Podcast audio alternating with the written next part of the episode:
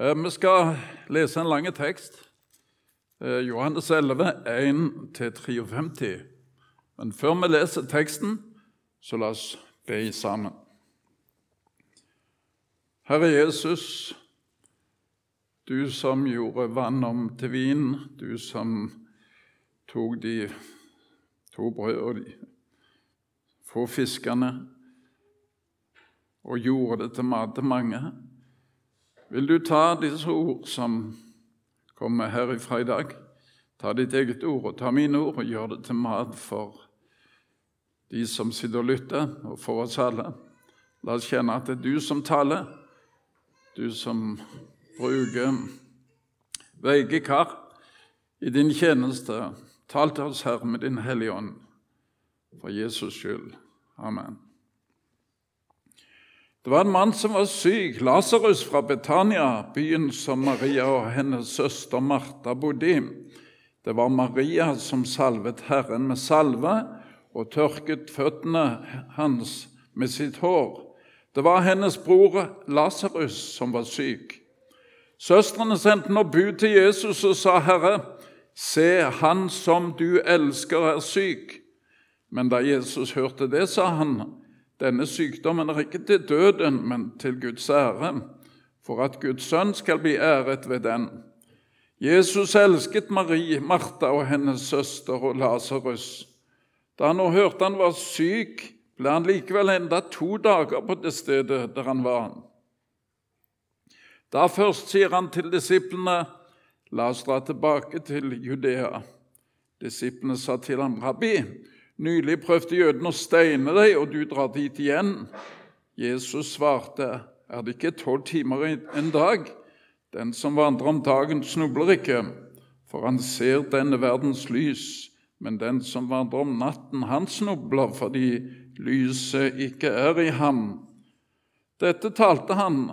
Deretter sier han til dem, Vår venn Lasarus er sovnet inn, men jeg går for å vekke ham. Disiplene sa til ham, 'Herre, hvis han har sovnet, da blir han frisk igjen.'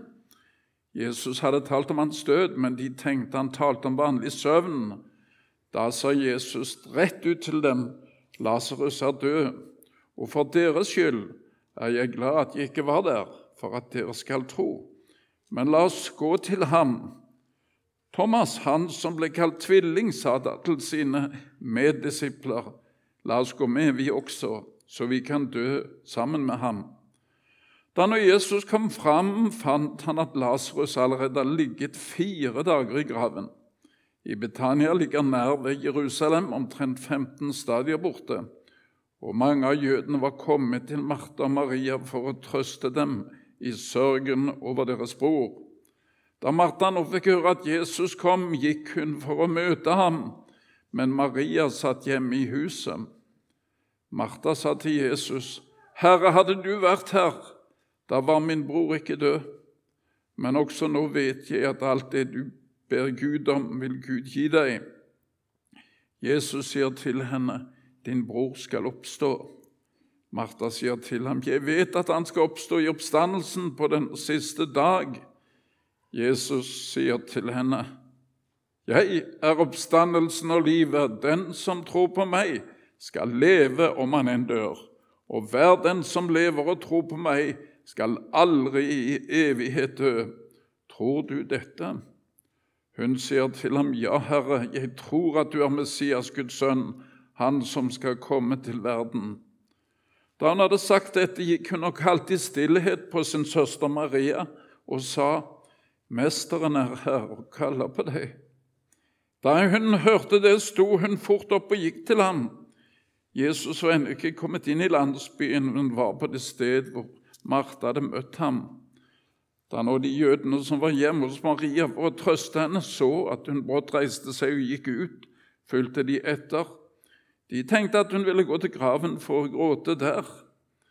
Da Maria kom dit hvor Jesus var og fikk se ham, falt hun ned for hans føtter og sa til ham, Herre, hadde du vært her, da var min bror ikke død. Da når Jesus så henne gråte, og så de jøder gråte som var kommet sammen med henne, ble han opprørt i sin hånd og rystet, og han sa, 'Hvor har dere lagt ham?' De sier til ham, 'Herre, kom og se.' Jesus gråt.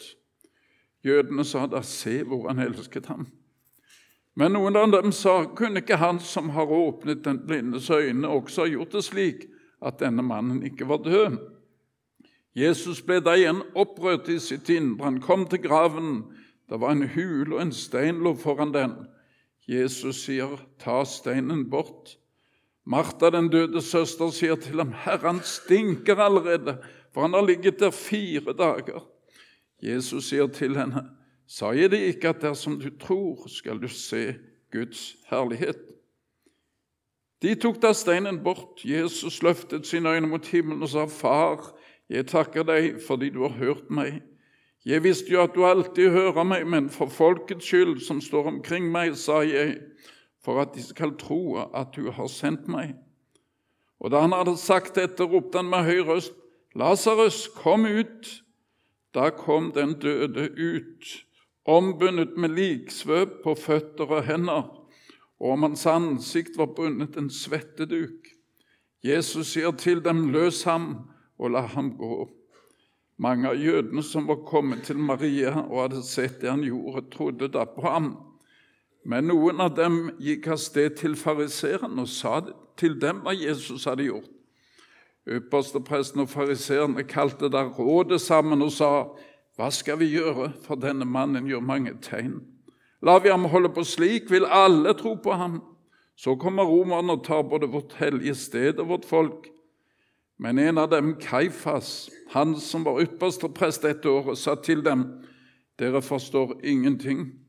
Dere tenker heller ikke på at det er til gagn for dere at ett menneske dør for folket, og ikke hele folket går til grunne. Dette sa han ikke av seg selv, men da han var ypperste prest dette året, talte han profetisk om at Jesus skulle dø for folket. Ikke bare for folket, men også for å samle til ett de Guds barn som er spredt omkring. Fra den dagen la de planer om å drepe ham. Ja, lang tekst, og de som har hørt meg før, vet at jeg eh, har det prinsipp Jeg vil gjerne lese tekstene i sin sammenheng, slik at, får, at vi får med oss hele budskapet. Um, sykdom hos Jesu nærmeste venner, og de sender bud. Han som du elsker, Herre, er syk. Han som du elsker. Det er en fin måte å komme til Jesus på. Hvis vi hadde sagt 'Han som elsker deg', ja, det er vel sånn at eh, følelsen av hvor sterkt vi elsker Jesus, den kan forandres. Og hvis det angikk det, hvis det var det som var betingelsen for å få hjelp, i den grad vi elsket Han, så ville vi vel ikke hatt så stor frimodighet noen hver til å be Han. Han som du elsker, Jesus, altså din venn. Og Det er jo det han sier til sine. Han elsker sine, han elsker de som kommer til han. Han elsker synderen som venner seg til han. Han som du elsker, er syk. Og søstrene tenkte sikkert at han vil sikkert prioritere oss, for her har han vært så mange ganger. Han er jo innom og spiser her, overnatter her. og ja, han, Da vil han sikkert komme med en gang, for han pleier jo svare med en gang på alle henvendelsene. Når folk er syke, så nøler han ikke. Han tar ikke en dag ekstra. Han svarer med en gang. Men så kommer han ikke. Så går Martha og Maria ut på veien. Gå du, Maria, og se om han kommer. Men han kom ikke. Og der eh, erfarer vi at Lasarus, deres kjære bror, han, han dør. Jeg vet ikke om du har vært i den situasjonen. Bedt til Jesus, holdt fram hans løfter. Selvfølgelig vil han svare min bønn. Våre bønner med Johans venner. Og så svarer han liksom ikke. Og Så begynner du å komme i tvil. Hva er det som er galt? Han, han svarer ikke. Og uh, det er ikke så få av oss som har erfart akkurat dette. Men Jesus sier, når han talte disiplene om dette, at denne situasjonen.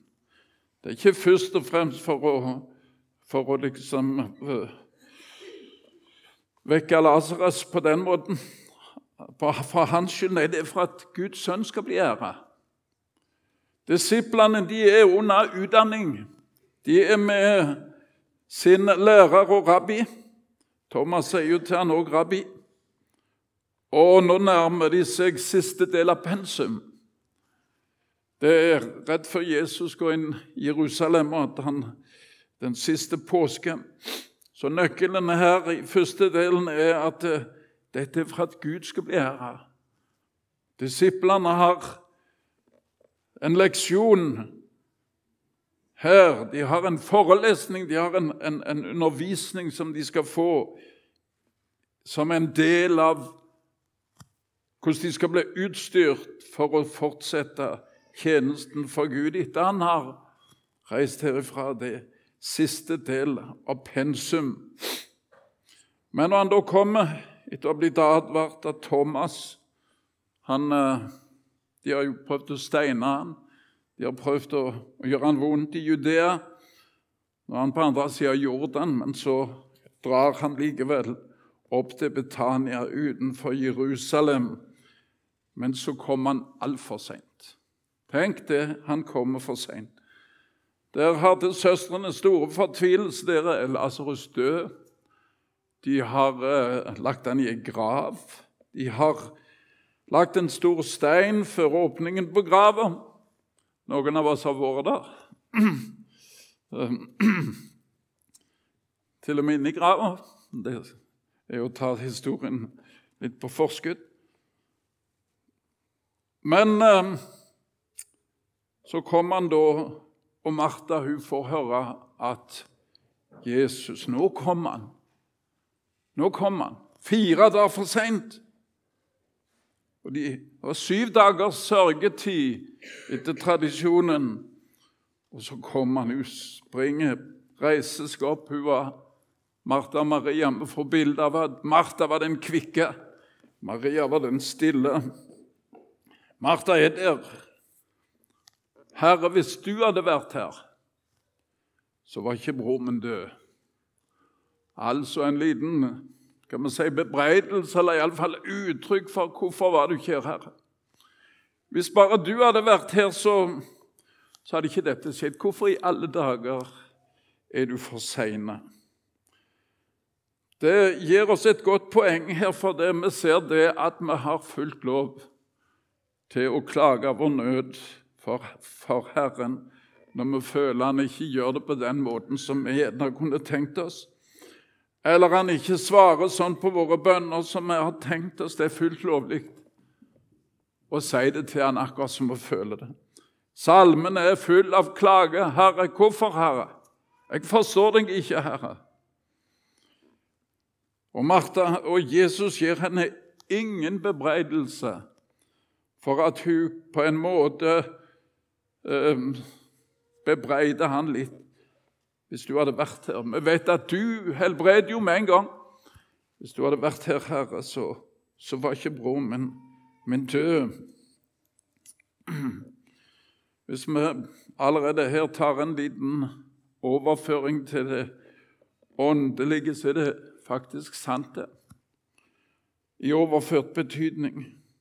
Hadde du vært her, Herre, i vår heim, hadde du vært her i vår menighet, i vårt samfunn, så var det så mye som var annerledes. Hadde bare du vært her Og her er det rett en familie som gjerne ville han skulle være der. Og de fikk sannelig erfare velsignelsen av at de ønsker han velkommen i sin heim. Så sier Jesus, 'Din bror skal stå opp igjen'. Jo, sier Martha, jeg vet han skal oppstå på den ytterste dag, men vi ville hatt han her med oss nå. Vi ville at han skulle vært sammen med oss nå. Og igjen kjenner vi oss vel igjen. Det er savn for de som gikk bort for tidlig. Hvorfor, hvorfor hendte det på denne måten? Vi ville at han skulle vært, eller hun skulle vært sammen med oss, og ikke måtte møte døden. Og da svarer Jesus noe av det herligste ord som en finner i Skriften. Jeg er oppstandelsen og livet. Den som tror på meg, skal leve og om han enn dør. Tenk på det. Den som tror på meg, skal leve om han enn dør. For noen herlige ord, sterke ord i Skriften, og for en trøst for de av oss som har mista noen. Vi vet at når mennesket ble skapt, det står i første Mosebok, så blåste Herren sin pust inn i menneskets nese, eller inn i menneskets munn. Og så ble mennesket til ei levende sjel. Og I går kveld talte jeg her om det gjelder evigheten. Tenk litt på dette med det som ligger, ligger etter dette livet, om at vi er kun gjester i denne verden. David sier det er en gjest i verden. Og hvordan vi, Hvis du går over veien og ned i kirkegårdene her Du kan lese gjesteboka fra Stavanger. Folk som var innom noen år, og så reiste de herifra. Så forlot de denne plassen. Jeg har selv en far som jeg går og besøker. Han er nesten 97. Han har vært gjest utrolig lenge i denne verden. Men kun gjest. Er kun gjester. Den som tror på meg, skal leve om han enn dør. Altså den som har troen på Jesus, har fått noe i seg. Den sjel skal aldri dø. Tenk på det, du. Den som tror på meg, skal, om han enn dør, skal dog leve som må legemet dø. Det er underlagt disse verdens, denne verdens forbannelse at døden kom inn i verden, mens eh, den som tror, han skal aldri dø. Jeg må si, Dere har sikkert sett Per Fugelli de siste månedene. Denne legen og filosofen som ble så ettertrakta både på radio og TV for å snakke om døden. Han gikk selv i møte med døden. Han hadde kreft, men trodde ikke på Gud. Han misunte de som hadde en tro. Så spurte de men hva tror du kommer etter? Hva håper du på når du er død? Håper ble en fugl på Jæren, sa han. Stakkars mann. Altså så klarte han ikke kutte ut at det er noe etterpå likevel. For evigheten er nedlagt i oss mennesker. Og det skal stor innsats til å få det ut av sjel og sinn at det er ikke noe etter når legemet dør. Da er det slutt. Nei, til og med Fugelli håpte på å bli en fugl på Jæren, altså reinkarnasjon.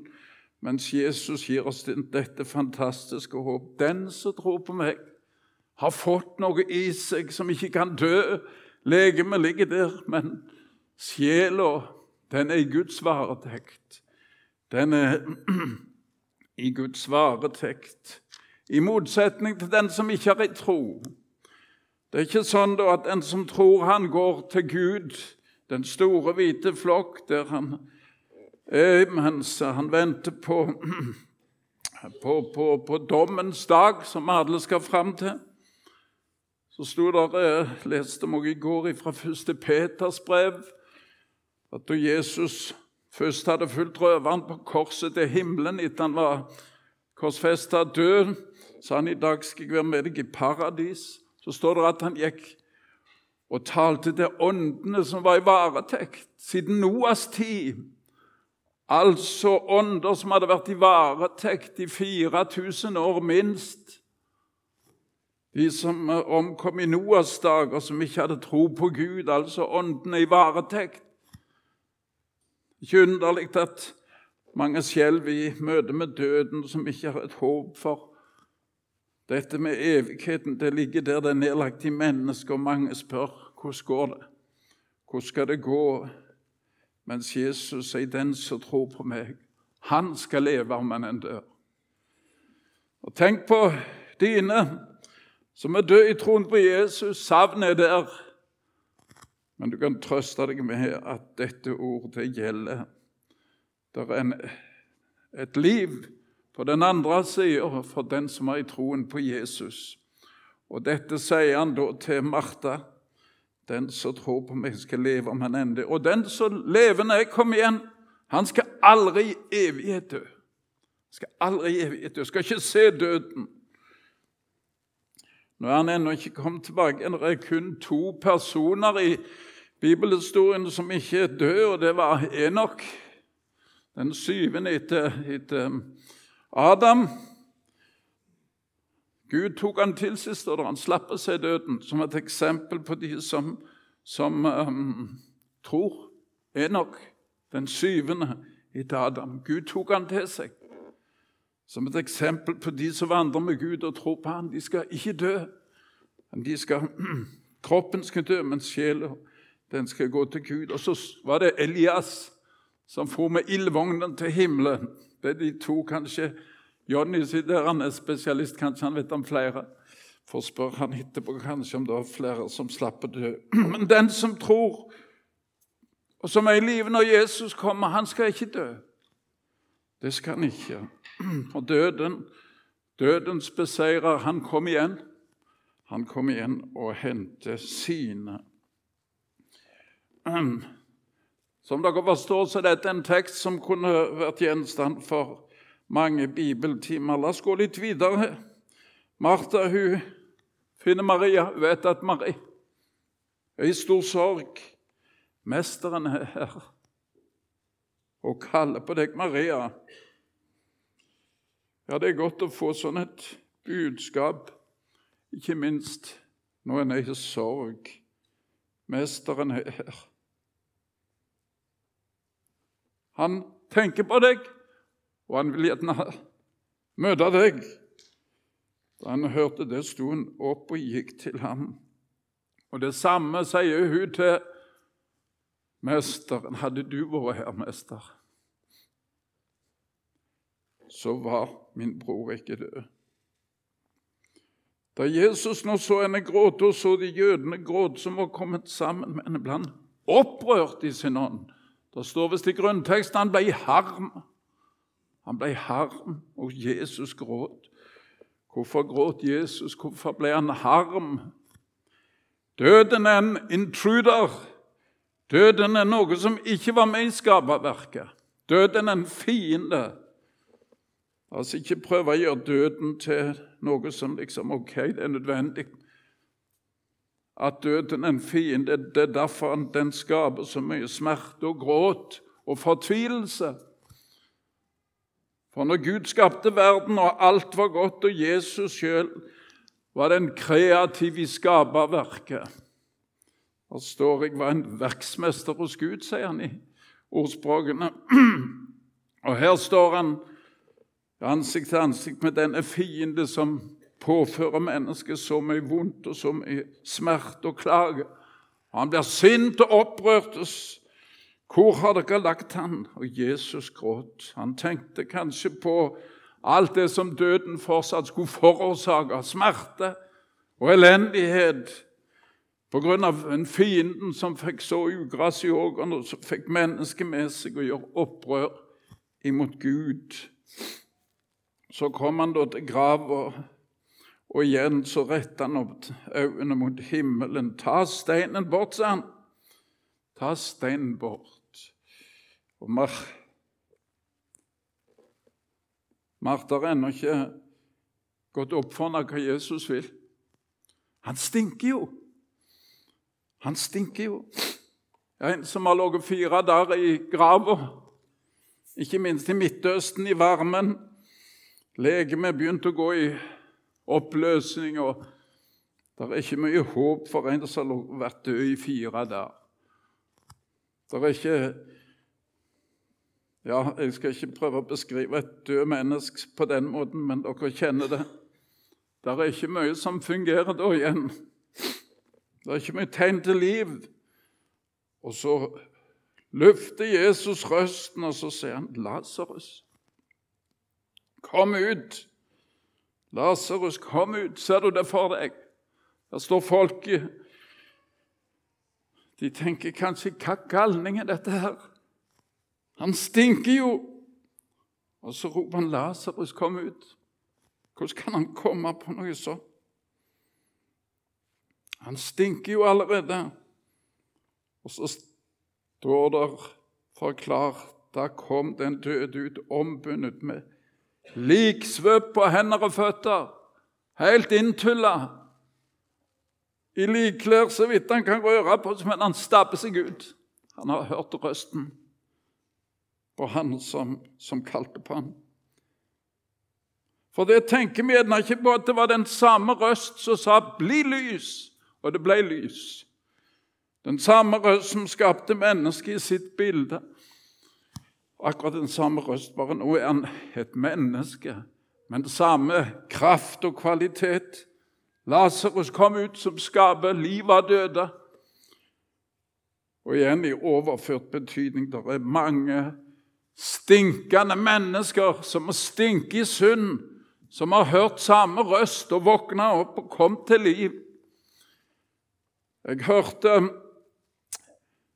Det ligger en tale på Internett. Det var en, en, en Han ble visst nokså kjent taler, men han fortalte hvordan de var mange barn og vokste opp med, med mor si. Og vidle var de, mange gutter, men mor tvinga de hver kveld til knela ved seng og be. Men de gikk ut i synd og elendighet. Og ikke minst han her var med på overfall og opprør. Og så En kveld sa jeg jeg var sendt ut av den gjengen jeg var sammen med, eh, for å rekognosere om jeg skulle over, gjøre et overfall på et eller annet. Og så hørte jeg Så var det sånn Gud talte til meg sånn og kalte meg på navn. Der på denne ågeren som han var, så knelte han ned og tok imot Jesus. Og kom tilbake til gjengen. 'Ja, har du rapporten klar?' 'Jeg har tatt imot Jesus', sa han. 'Jeg er blitt en kristen Han hadde stinka lenge, men når han kom til Jesus, så ble det nytt liv. Så, og det gir oss et håp når vi forstår litt av hvem Jesus er, når han skal vekke opp alle. Det står i eh, Daniels bok, i kapittel 12 og de mange som sover i jordens møll, skal våkne opp, noen til evig liv, andre til skam og evig avsky. Da skal de forstandige skinne som himmelhvelvingen skinner, og de som har ført de mange til rettferdighet, skal skinne som stjernene evig og alltid. Dette er Guds plan. Dette er Guds masterplan som jeg også talte om i går kveld. Evigheten. Du og jeg skal være der. Det er ikke noen vei å slippe unna evigheten. Enten er du et Guds barn og tatt imot Jesus, eller så har du sagt nei til Han og vil møte evigheten utenom Jesus.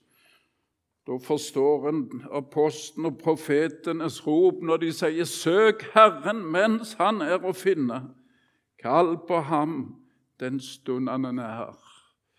Mens vi har dette livet, som jo er en fantastisk gave til hvert menneske, så har vi òg en anledning til å søke Herren, til å påkalle Han og finne ordne vår sak med Han, sånn at når vi skal inn i det evige. Når gjestetida er slutt, så er vi blant de som skal våkne opp til evig liv. Når Han kaller sine ut av grav, eller Han kommer igjen og finner oss her i live før Han, mens Han kommer igjen. Det går an å, som jeg sa, å si mye her. Men nå skal jeg gå til avslutningen. Men la dere merke til at det var allerede to flokker etter etter de hadde vært vitne til dette. Noen trodde, mens andre de gikk bort og ga beskjed til de som ville drepe ham.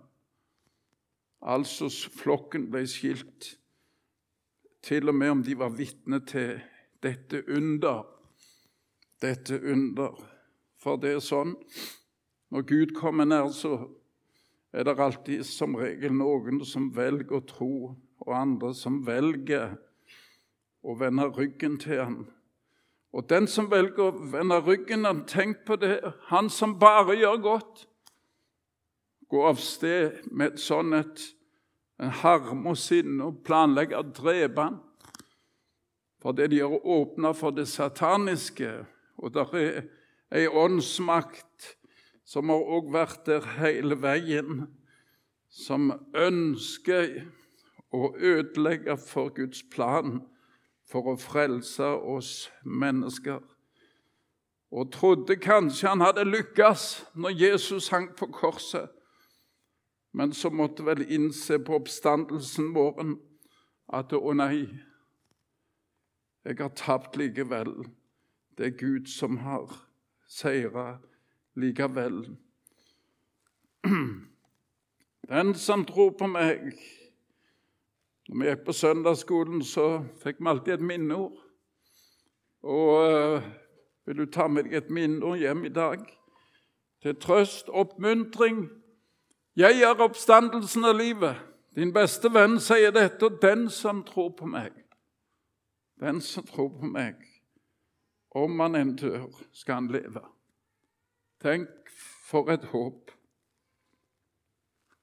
Tenk for en trøst, og tenk for et, et uh, For en visjon over hele eksistensen, over hele livet. Så skal jeg få leve for Han. Og om jeg skulle møte døden, så har han lovt at til og med gjennom dødsskyggens dal så skal han gå med. Og så skal vi få våkne opp til evig liv. La oss stå så lenge vi kan, forkynne og vitne om Han, slik at det blir færrest mulig som våkner opp til evig avsky. For det er jo det store utfordringen for oss som kjenner sannheten. Det er mange som tror løgnen og ikke nytter seg av anledningen til å komme til Han, så sier oppstandelsen av livet. Måtte vi be om at Herren må forbarme oss, ikke minst over vårt folk, til de våkner opp og ser at uh, hvis jeg avviser Jesus, så har jeg intet håp. Det er ikke mye håp i å bli fugl på Jæren. Det er ikke mye håp i det. Stakkars, for å si det sånn, understatement. La oss be om at Herrens ånd må kalle mennesker til seg. La oss be. Herre Jesus, du gir oss et glimt i din veldige allmakt. Du har makt over døden og over evigheten. Vi takker deg, Jesus, for du viser oss i ditt ord, og Din Hellige Ånd åpenbarer dine sannheter for oss. Vi ber, Herre Jesus, for oss som er her, utstyr oss med din ånd til å vitne om deg i hverdagen, i de små ting. Og vi vil be sammen forbarm deg over vårt folk, Herre, som kjente lyset, men som har vendt lyset ryggen, og som har vendt seg mot mørket. Kjære Jesus, send din ånd iblant oss, og forny oss, og kall mange til deg og bruk oss, Herre, i din tjeneste, for ditt navns skyld. Amen.